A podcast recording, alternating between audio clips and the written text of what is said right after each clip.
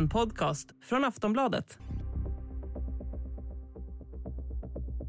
TBE-smitta tycks öka mer och mer. Flera regioner rekommenderar vaccination och just nu ser Folkhälsomyndigheten över om de kan komma med en mer samlad rekommendation när det kommer till vaccin. Viruset går in då i nervsystemet och orsakar en infektion eller inflammation där.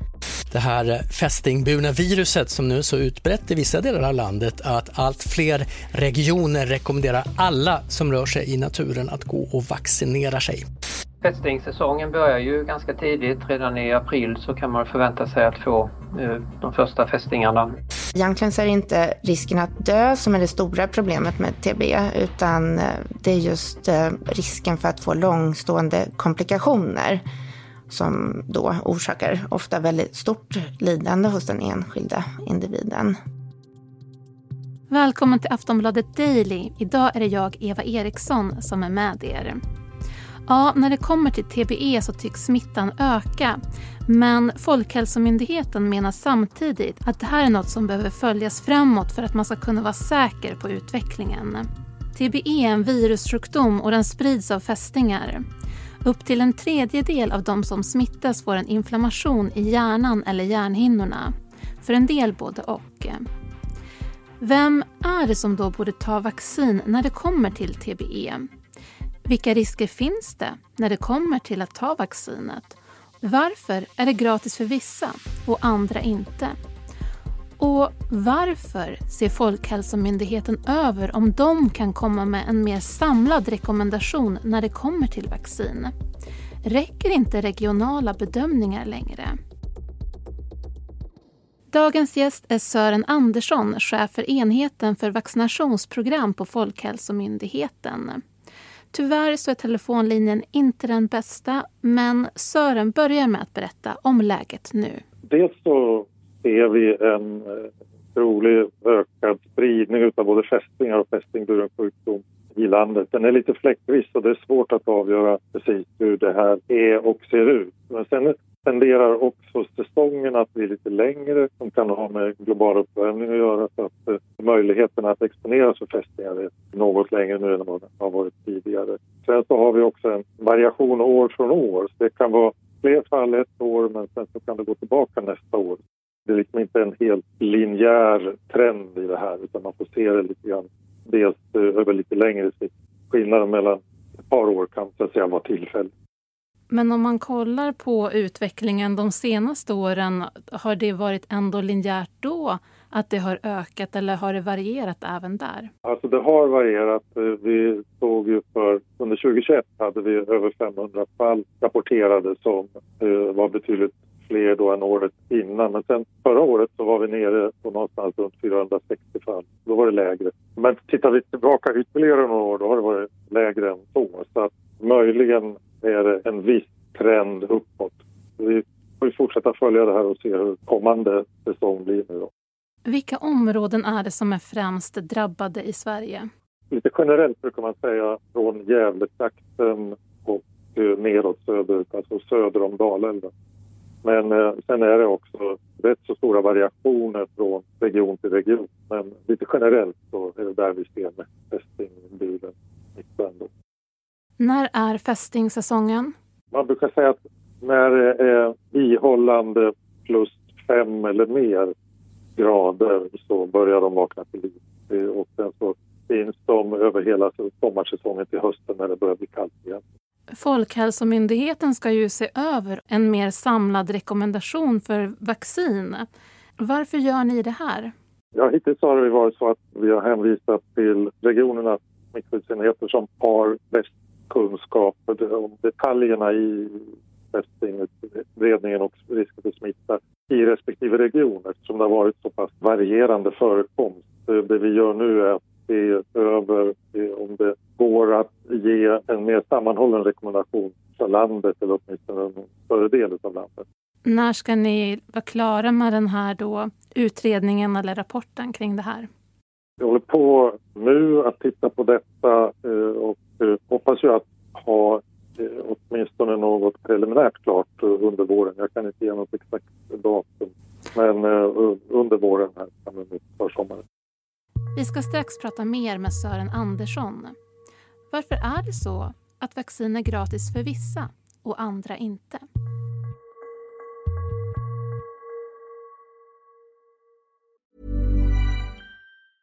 A lot can happen in three years, like a chatbot may be your new best friend. But what won't change? Needing health insurance. United Healthcare Tri Term Medical Plans, underwritten by Golden Rule Insurance Company, offer flexible, budget friendly coverage that lasts nearly three years in some states. Learn more at uh1.com.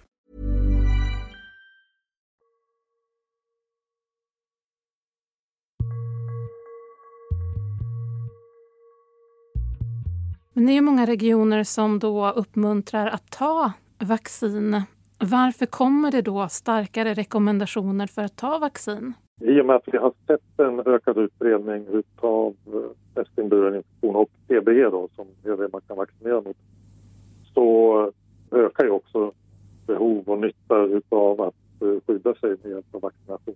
Att eh, de, de faktorerna hänger ihop. Det är ju en del som undrar varför man inte kan... Varför det är, man, man kan få vaccinet gratis i vissa regioner och andra inte. Och det, det är helt enkelt ett regionalt beslut. Det här vaccinet omfattas inte av ett nationellt vaccinationsprogram. Vem är det som ska ta vaccinet? Ja, om man vistas mycket ute i skog mark eller naturen där det finns fästingar och man vet att det finns en risk för att smittas av fästingburen infektion, eh, då kan det vara bra att eh, ta det här vaccinet. Finns det några risker med vaccinet som man känner till när det kommer till biverkningar och sånt där? När det gäller säkerhetsprofilen eh, så ser den bra ut när det gäller eller de här, det är två, två vacciner som finns att välja på som är ganska lika. Den ser bra ut. Eh, det finns inga, inga rapporter som inger någon oro där utan det är framförallt allt lokala biverkningar i samband med sticket och eh, sen kanske en kortare övergång, övergående obehag under ett dygn eller två som man kan känna av. Förhållandevis lindriga biverkningar. Hur lång tid tar det för att få effekt efter att man har tagit vaccinet? Man brukar säga att ungefär två veckor efter andra dosen. Man rekommenderar ju tre doser varav de två första tas lite tätare om man inte är vaccinerad tidigare. Och efter ungefär ett par veckor efter andra dosen så kan man räkna med ett eh, bra skydd. Sen är ju frågan då, när ska man ta vaccinet? Eh, många kanske tar det till sommaren. Är det för sent? Vill man ha ett bra skydd för kommande säsong då är det bra att påbörja vaccinationerna under vintern innan vårsäsongen. Då. De två första doserna tas lite tätare och då hinner man få ett, ett hyfsat skydd. Men då tredje, då kan det vara så att tredje dosen sammanfaller med pågående säsong. Men då har man ett gott skydd till nästa säsong. Jag tycker ändå att man hör ibland det här, men just det, påfyllnad. När var den? När ska jag ta den här? För den som är osäker på om det är dags att ta en påfyllnadsdos, finns det något enkelt sätt att ta reda på det? Det kan göra det. Eh, om man har gått till någon vaccinationsmottagning och går tillbaka till samma, då ska ju dokumentationen finnas där. Däremot så finns ingen samlad samlat register eller samlad information över landet om man går någon annanstans för påfyllnadsdosen. Utan då, då behöver man hålla koll själv. Om man inte har någon aning, man vet att man kanske har tagit någon spruta någon gång, börjar man från början då i så fall?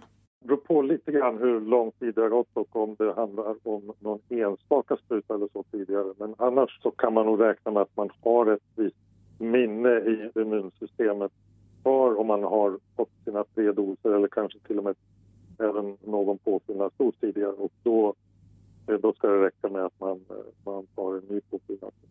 Och då att göra med, med, med åldern. Och om man är över 50 eller 60 år, beroende på vilket vaccin det är man har fått, så, så är det, rekommenderar man ett kortare intervall på tre år, annars fem år mellan doserna. Då.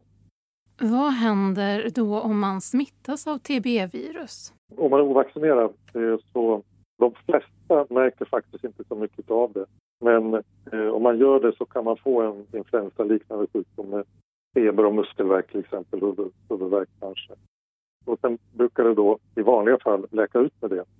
I en del mer ovanliga fall så kan man få den här komplikationen med hjärninflammation Och då tar sjukdomsförloppet liksom om och man får ny feber, muskelvärk, huvudvärk och risk för påverkan på en del eh, funktioner i hjärnan, trötthet och så vidare. Så att det är ett tvåfasigt sjukdomsförlopp som i de flesta fall också läker ut då, även om man får det här mer komplicerat. I en del mer ovanliga fall så kan det hänga kvar om man får en del rättssymptom. Så det stora problemet är um, heller inte att dö, för att de flesta dör inte utav det här. Det är just de här långtgående komplikationerna som kan uppstå för vissa. Dödligheten är låg. Det är mera de här besvärliga, i värsta fall långdragna kvarstående besvären efter infektionen. De kan vara illa nog. Man har ju också hört om de som blir förlamade. Hur hänger det här ihop då? Det, det hänger ihop med att det är hjärnan och hjärnans funktioner som kan infekteras i värsta fall. Då.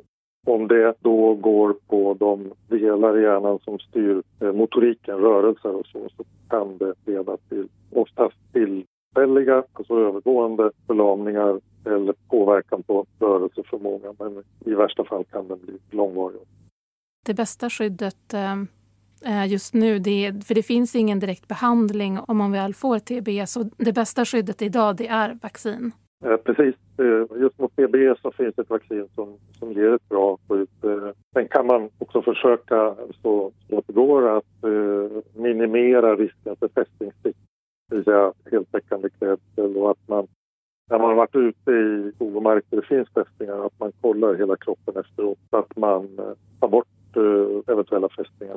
Hur tänker du kring att det verkar som att det eventuellt går mot det hållet att, eh, att det kanske blir en sån trend att fler och fler smittas? Det är något vi följer eh, det här noga och eh, skulle det vara så att det här fortsätter att öka successivt då blir det ju än mer angeläget att, att man gör vad man kan för att skydda sig mot den här sjukdomen. Då. När det gäller TBE specifikt så kan man överväga vaccination och Sen finns det ju andra fästingburna infektioner också som man då än så länge får undvika genom att eh, minska risken för att få fästing.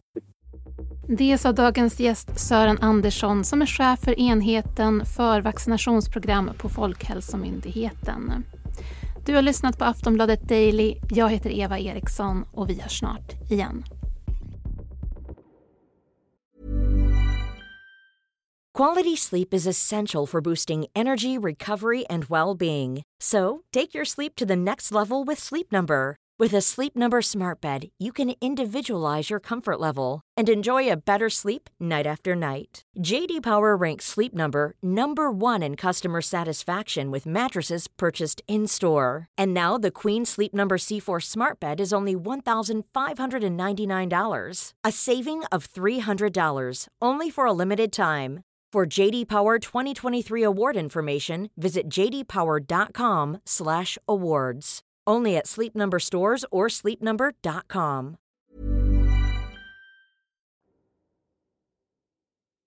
Du har lyssnat på en podcast från Aftonbladet.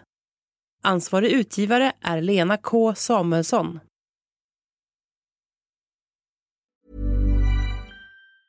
Tired of ads barging into your favorite news podcasts? Good news. Ad-free listening is available on Amazon Music for all the music plus top podcasts included with your Prime membership. Stay up to date on everything newsworthy by downloading the Amazon Music app for free or go to amazon.com slash news ad free. That's amazon.com slash news ad free to catch up on the latest episodes without the ads.